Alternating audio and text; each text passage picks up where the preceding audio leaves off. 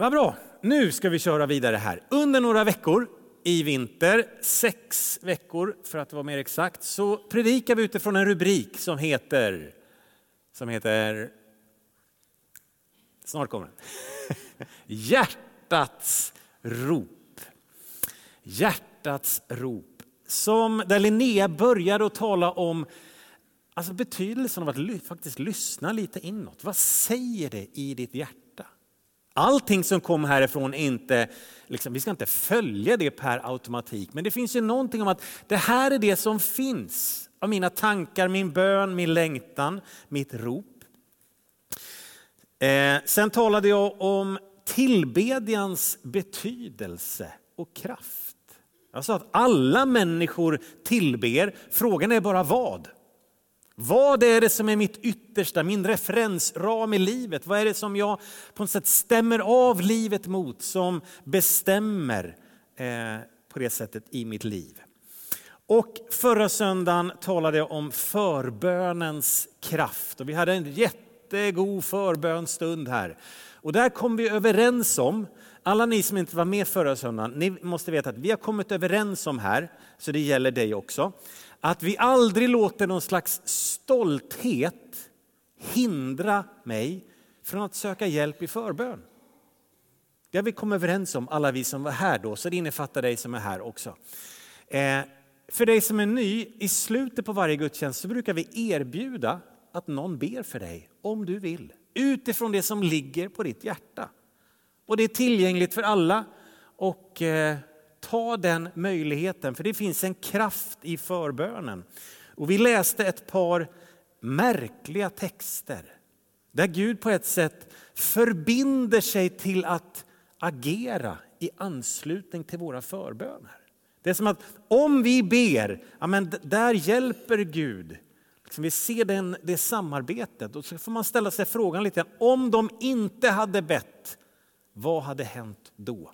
Så betydelsen och kraften i förbönen.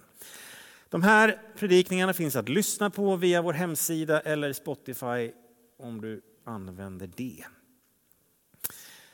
Vi har också nämnt, jag har nämnt lite kort om dagens rubrik som är sanning som en kontaktyta mot Gud. Sanning som en kontaktyta mot Gud. För att när det handlar om hjärtats rop så är det ju på något sätt, det är ju det som finns längst där inne. Eh, det finns ju tv-programmet som heter Min sanning och det är väl lite det det handlar om här. För att allt som kommer ur mitt hjärta är ju inte sant. Det Linnea var inne på första söndagen lite grann. Det är varken sant eller rätt eller gott. Utan en del av det här behöver vi filtrera. Eh, men det är på något sätt det som är mitt innersta, det är ärligt. Det kommer här inifrån. Bönen, längtan, förhoppningen, det jag kämpar med eller för. Och den aspekten av att vara liksom sann med sin tro inför Gud är jätteviktig. I Johannes 4.23 säger Jesus så här, att det kommer en tid, och den är redan här, när sanna tillbedjare ska tillbe Fadern i ande och sanning. Sådana tillbedjare vill Fadern ha. Gud är ande och de som tillber honom måste tillbe ande och sanning. När jag talade om tillbedjan för ett par veckor sedan, just det här att alltså om måndag till fredag så svär och gormar jag på jobbet och är fräck i mun och hård och ful och allt möjligt. Bara, bah! Och så kommer jag hit på söndagen och sjunger vackert. Halleluja! Man säger, nej det där stämmer inte riktigt. Det skaver något oerhört. För att det handlar inte bara om mina ord, utan någonstans hjärtat och livet sitter ju ihop. Det behöver ju låta på ett sätt likadant från måndag till söndag. Du kanske inte ska gå runt på jobbet och sjunga halleluja. Om du inte har mitt jobb, då är det okej. Okay. Men annars så kan det bli jättemärkligt. Okay? Men du hajar grejen. Någonstans, det måste låta likadant. Måndag till söndag, det sitter ihop. Hela mitt liv levs ju inför Gud. Och då min tillbedjan, att tillbe och andes sanning, det är någonstans, det sitter ihop. Mitt liv går den här riktningen, mina ord går den här riktningen, det här jag längtar efter. Guds goda, sanna, rätta, det är mitt liv. Att tillbe i ande och sanning. Och det är faktiskt så också att vägen in i relation med Gud bygger på sanning. Vägen in i relation med Gud bygger på sanning. Johannes, första Johannesbrevet kapitel 1.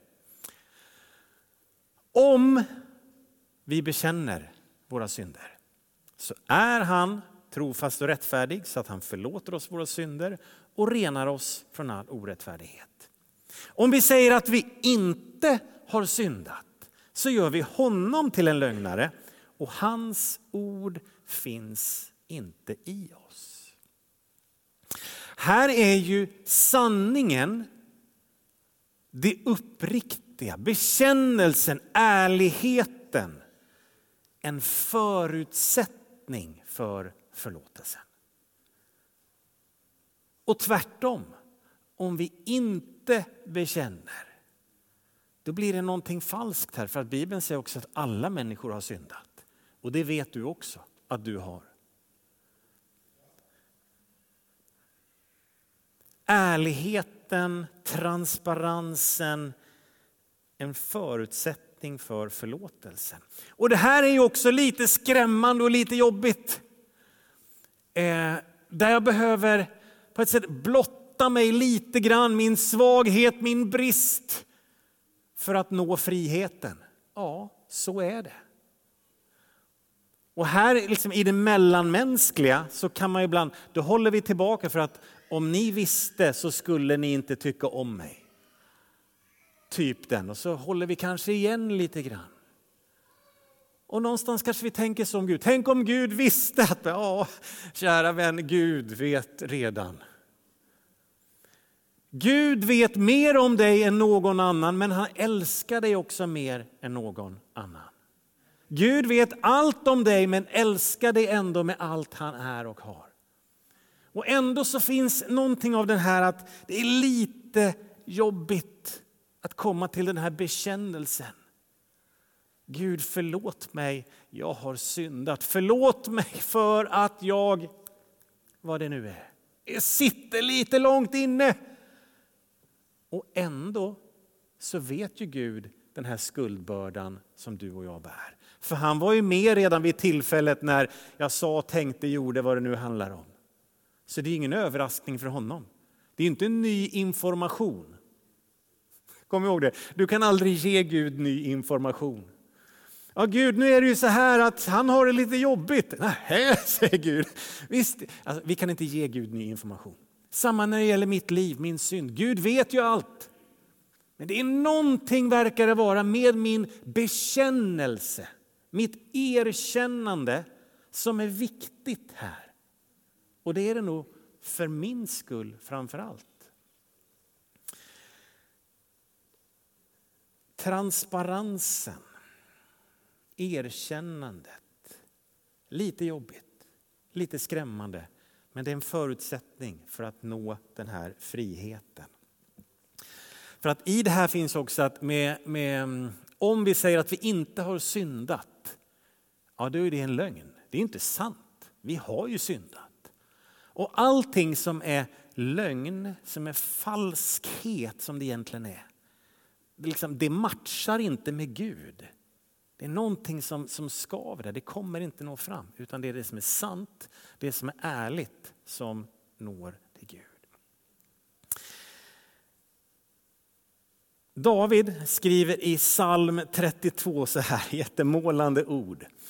Så länge jag teg förtvinade mina ben och jag stönade dagen lång. Se det framför dig. Men då erkände jag min synd för dig och dolde inte min skuld. Jag sa, jag vill bekänna mina brott för Herren. Då förlät du mig min syndaskuld. Det är ett målande språk och samma tanke att när jag försöker gömma någonting hålla tillbaka det här. Så säger David själv, det liksom, då förtvinade mina ben och jag stönade dagen lång. Det blev en börda för honom att bära skuld.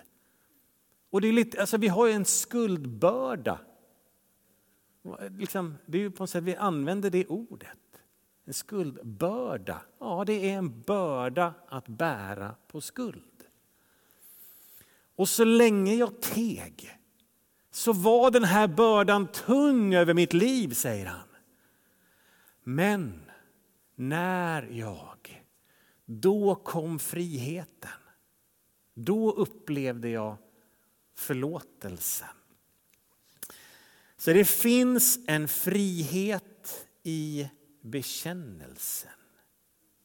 Det finns förlåtelse i erkännandet. Och eftersom Gud redan vet allt så blir bekännelsen för min skull på något sätt i det här erkännandet. Och jag tänker att är det så att när jag lyfter fram det då kan han plocka det ur mina händer och säga jag tar det ifrån dig. Men så länge jag gömmer det, håller hårt om det, då kommer Gud inte liksom slita det ur mina händer. Utan han väntar på att jag ska bära fram det. Då säger han, nu Jörgen, nu kan jag ta det här ifrån dig. Och så funkar det ju med livet med Gud i största allmänhet. Om jag säger, nej, jag styr mitt liv. Ja, säger han, då kommer du få styra ditt liv Jörgen. Ja, det är jag som bestämmer över mitt liv. Ja, då får du bestämma över ditt liv. Men när jag säger, jag vill ge dig mitt liv. Då säger han, underbart, jag tar det. Herre, jag vill att du ska leda mitt liv. Ja, då vill jag leda dig. Och samma när det gäller våra misstag, våra tillkortakommanden, vår synd. Nej, jag har inte syndat, jag vill inte erkänna. Nej, då får du bära på det där. Men när jag bär fram det och säger Herre förlåt mig, då kan jag ta det av dig, säger han. Så det finns en frihet i bekännelsen. Att sanning blir en kontaktyta till Gud. Det som är falskt, det som är lögn, det som är gömma undan, det kommer aldrig nå Guds hjärta. Sanning som kontaktyta mot Gud. Och här är vi då, med de här raderna så är vi inne i Saltaren. Jag har nämnt om det tidigare, att Saltaren är en utmärkt bok, ypperlig bok. Jag tänkte säga ypperlig så blev det utmärkt och så blev det utmärkt istället. En ypperligt utmärkt bok i Gamla Testamentet när det kommer till hjärtats rop och när det kommer till sanning i tro och relation till Gud. Eh, vi ska läsa en, en hel psalm här om en liten stund, men först bara no, fyra punkter som du får med dig om saltaren som hjälper dig lite grann att rama in vad är saltaren för typ av bok. Det är Bibelns längsta bok, 150 kapitel. Den längsta psalmen har väl 176 verser om jag inte minns fel. Jättelång psalm, psalm 119, men en fantastisk psalm. Underbar bok hela den. Men fyra grejer om saltaren som kan vara viktigt att få med sig. Att saltaren, där är liksom varje psalm i nuet. Det är inte så att det finns en röd tråd. Börja i psalm 1 och sen så läser du till psalm 150 så har du fått med dig en berättelse. Svar nej. Utan varje psalm är sitt eget nu och liksom en, en, egen, eh, ja, en egen grej, en egen story ibland. Det finns en enorm variation i saltaren. Du har glädjen, tacksamheten, tillbedjan, ropen av glädje. Du har sorgesalmer, du har klagosalmer, du har frågande och hela liksom, det är en, en eh, positiv sörja av erfarenheter. Så en enorm variation är det. Och sen en viktig punkt är att det är ju en poetisk bok. Saltaren förmedlar framför allt inte kunskap och insikter.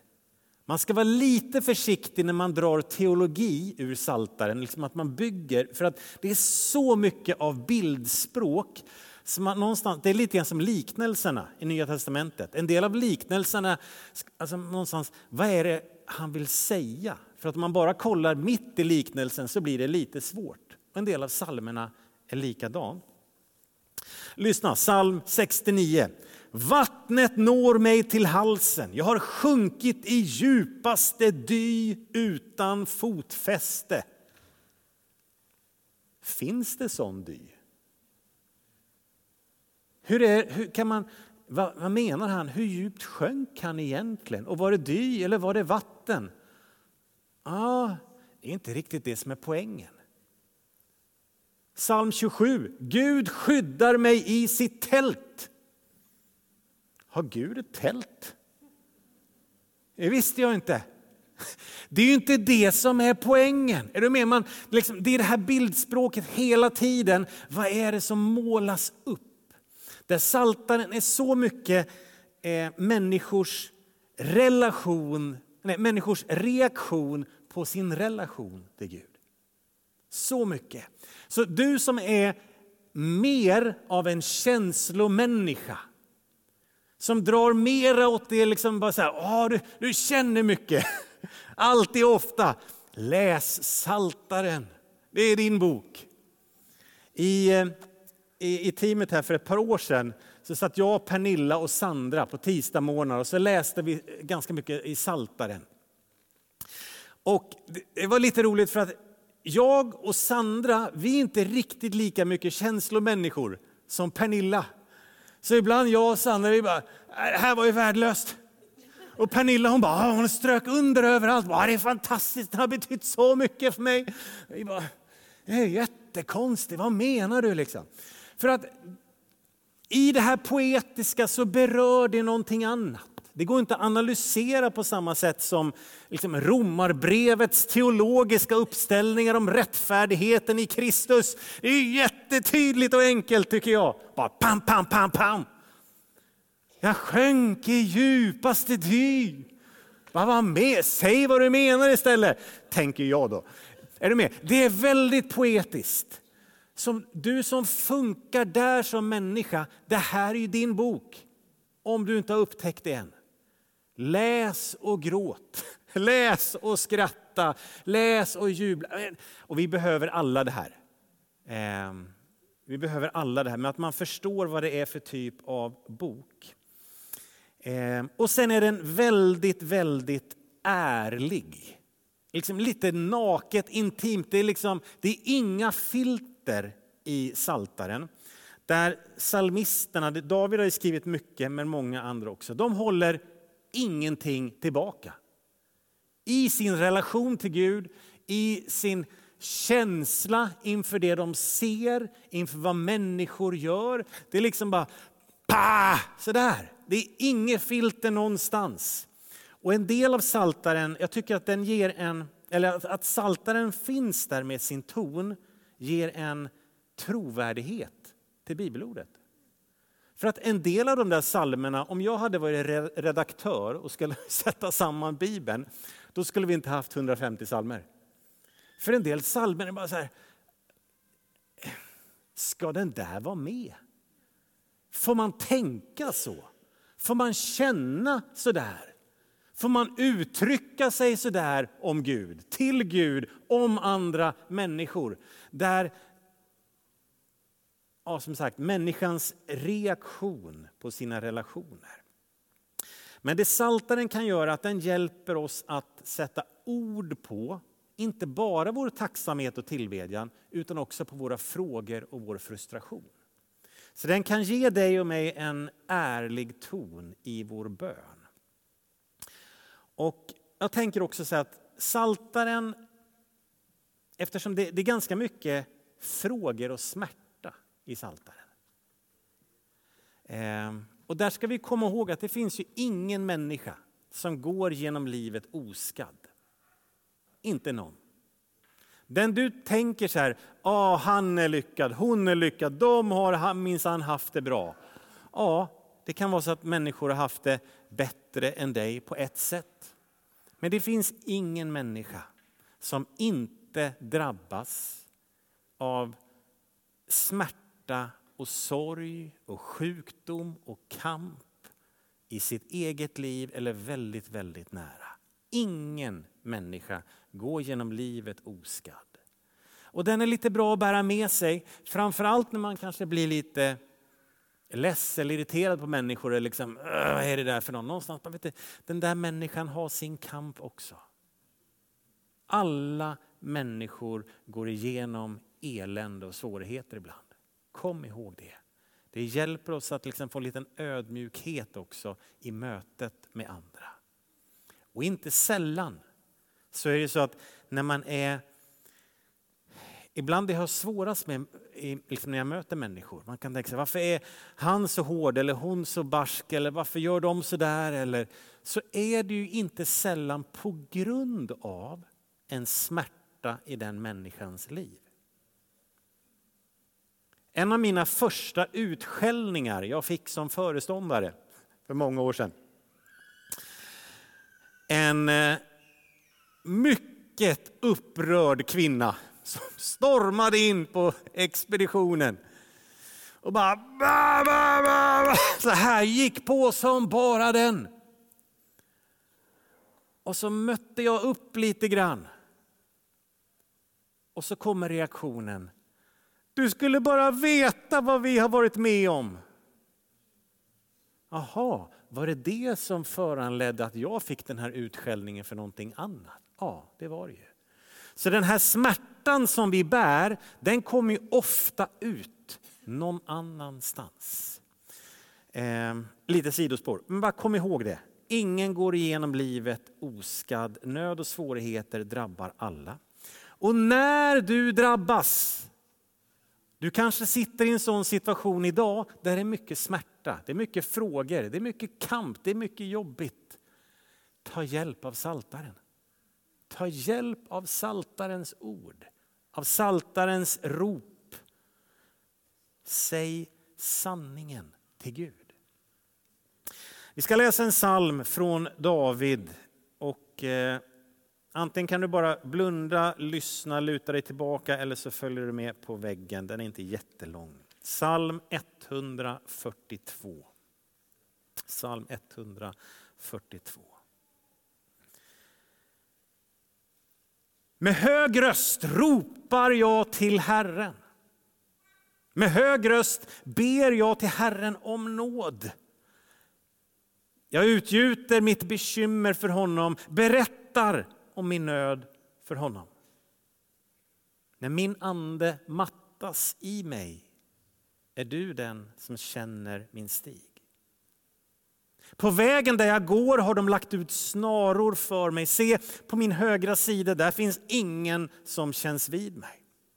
Jag har ingen tillflykt mer, ingen som frågar efter min själ. Jag ropar till dig, Herre. Jag säger, du är min tillflykt, min lott i de levandes land. Lyssna till mitt rop, för jag är i stor nöd. Rädda mig från mina förföljare, för de är starkare än jag. För min själ ut ur fängelset så att jag kan prisa ditt namn. De rättfärdiga ska samlas omkring mig när du visar din godhet mot mig.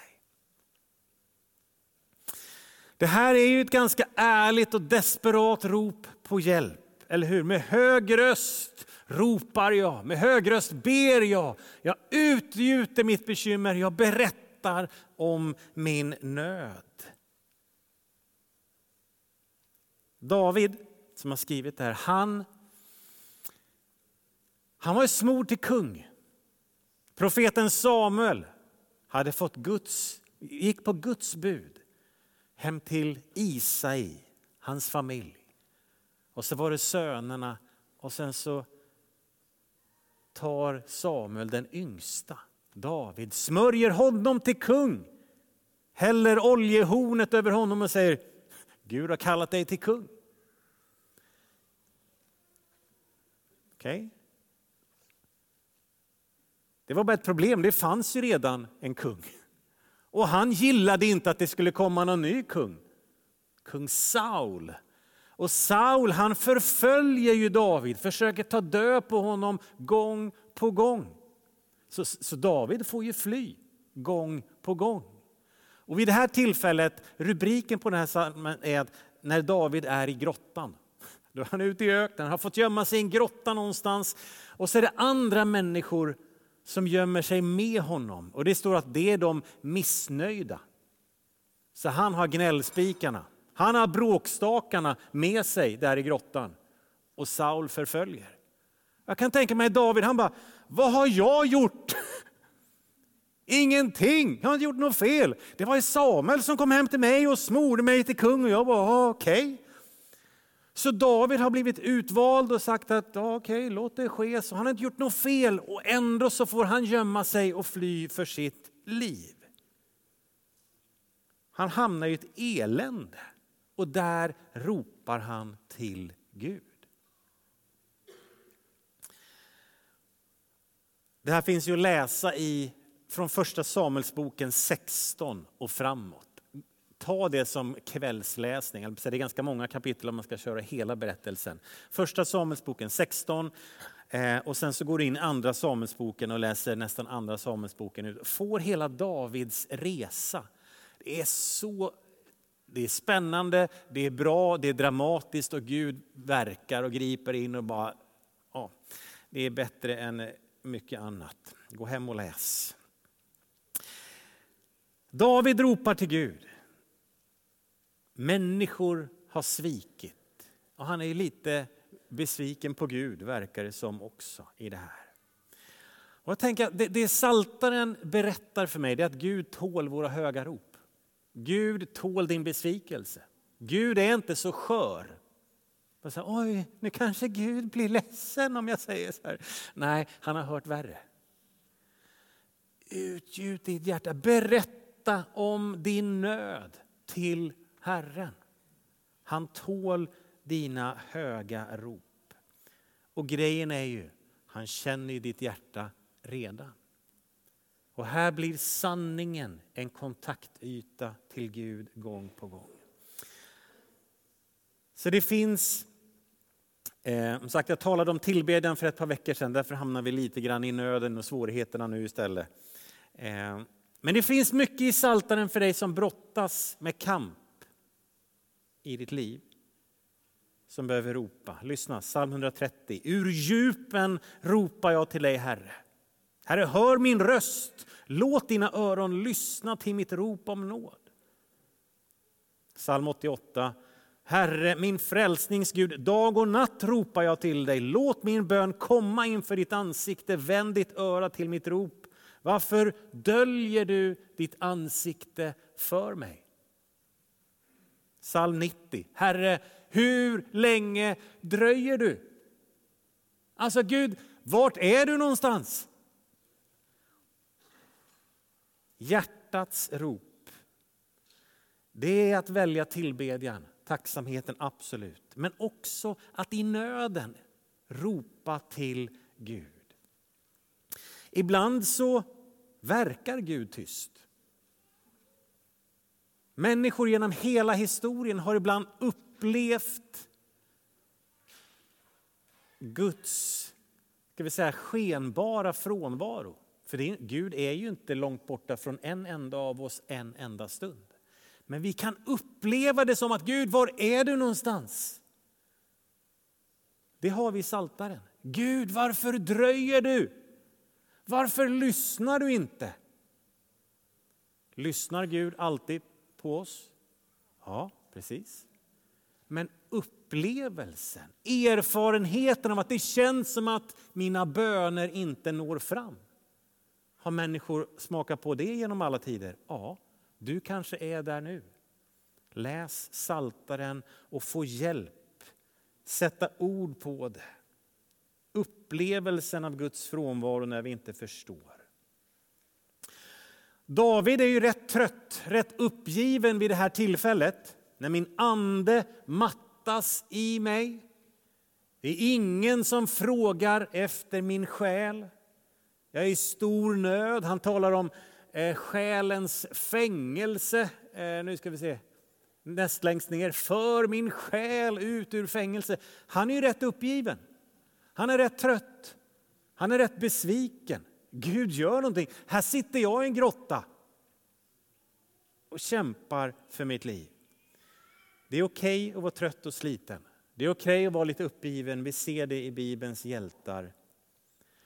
Och jag tänker att när han skriver det här så vet han ju inte hur det ska gå. Vi har ju facit. Och en liten spoiler för dig som tänkte läsa Samuelsboken i eftermiddag. Eh, Saul lyckas inte döda David, utan så småningom dör istället Saul och David blir kung. Men det vet ju inte David vid det här tillfället.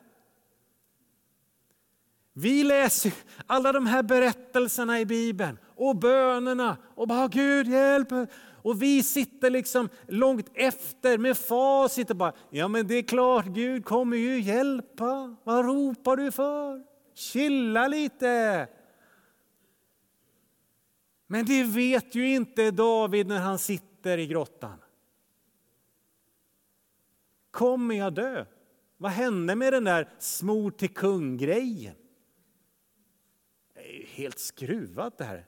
Behöver jag fly för att han gjorde så med mig? Och där du är i ditt liv, du har ju inte heller facit. Den svårighet som du kämpar med.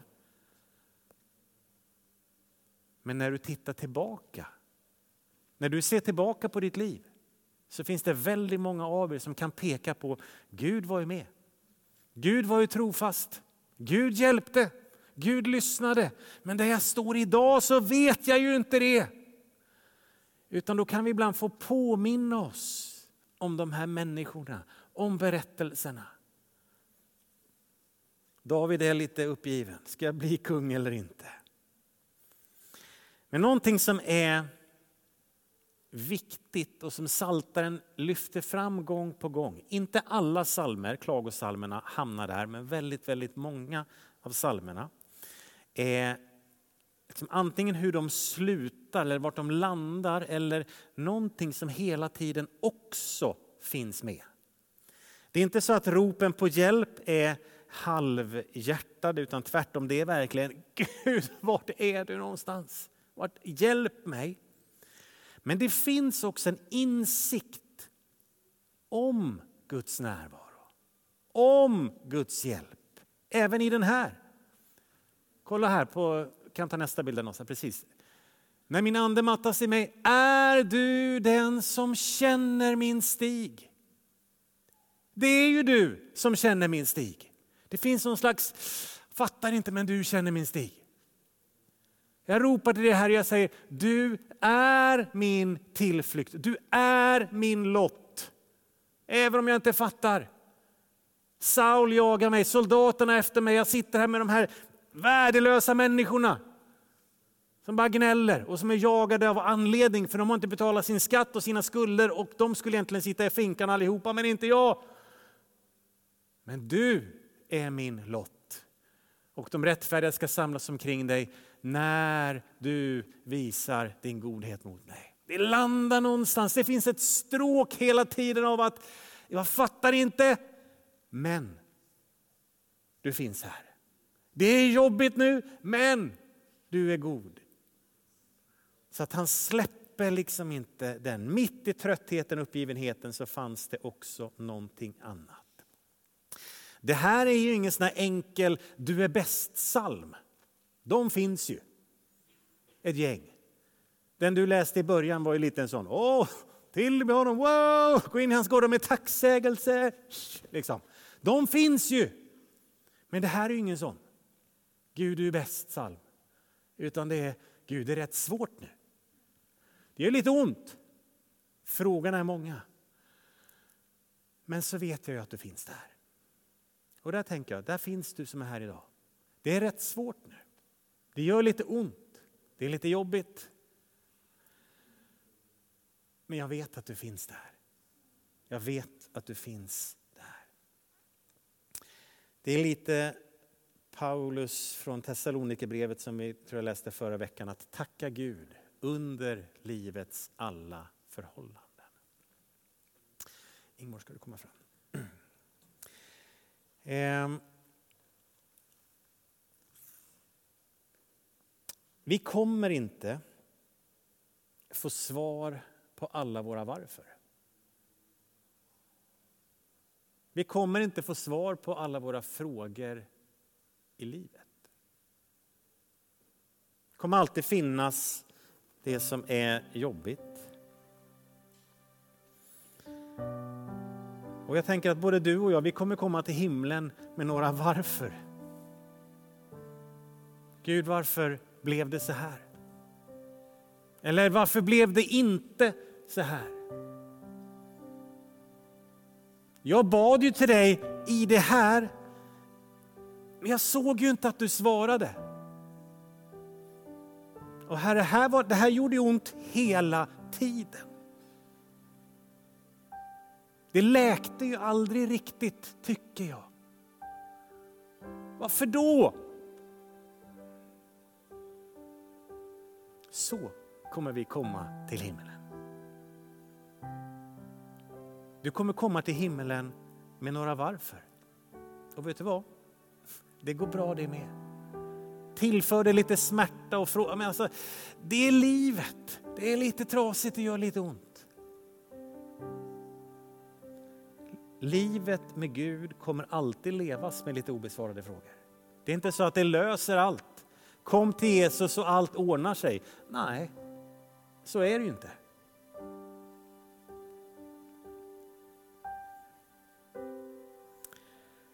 Men de problemen är inget problem i relation till Gud. Och de problemen, de svårigheterna, den kampen är ingenting vi behöver hålla tillbaka. För att sanning är en kontaktyta med Gud. Och här kan vi få ropa ut, Herre var är du? Hjälp mig. Lyssna till mig. Och han vill möta. Sanning är en kontaktyta mot Gud.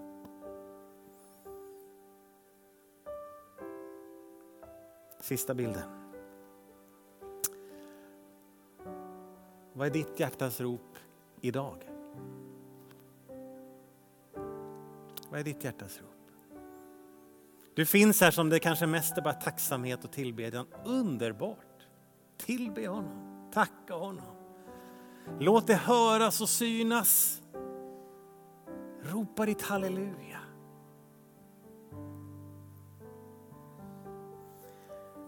Och du som inte är där, var tok-ärlig i din bön. Gud tål det. Håll inte tillbaka. Gud förändras inte. Han är densamme alltid, han finns där. Även när du inte ser, när du inte förstår, inte märker. Det är också någonting med att tillbe i ande och sanning. Att Herre, nu gör det ont, men jag vet att du är god. Herre, det här förstår jag inte, men jag litar på dig. Det är att leva ett liv i tillbedjan, i ande och sanning. Och fortsätt att be och ropa till honom. Det är alltid i det. Det finns en kraft i förbönen. Om du, om du inte tror det så ska du lyssna på förra veckans predikan. Så får du med dig det. Det finns en kraft i förbönen när vi ber för varandra och ropar till honom.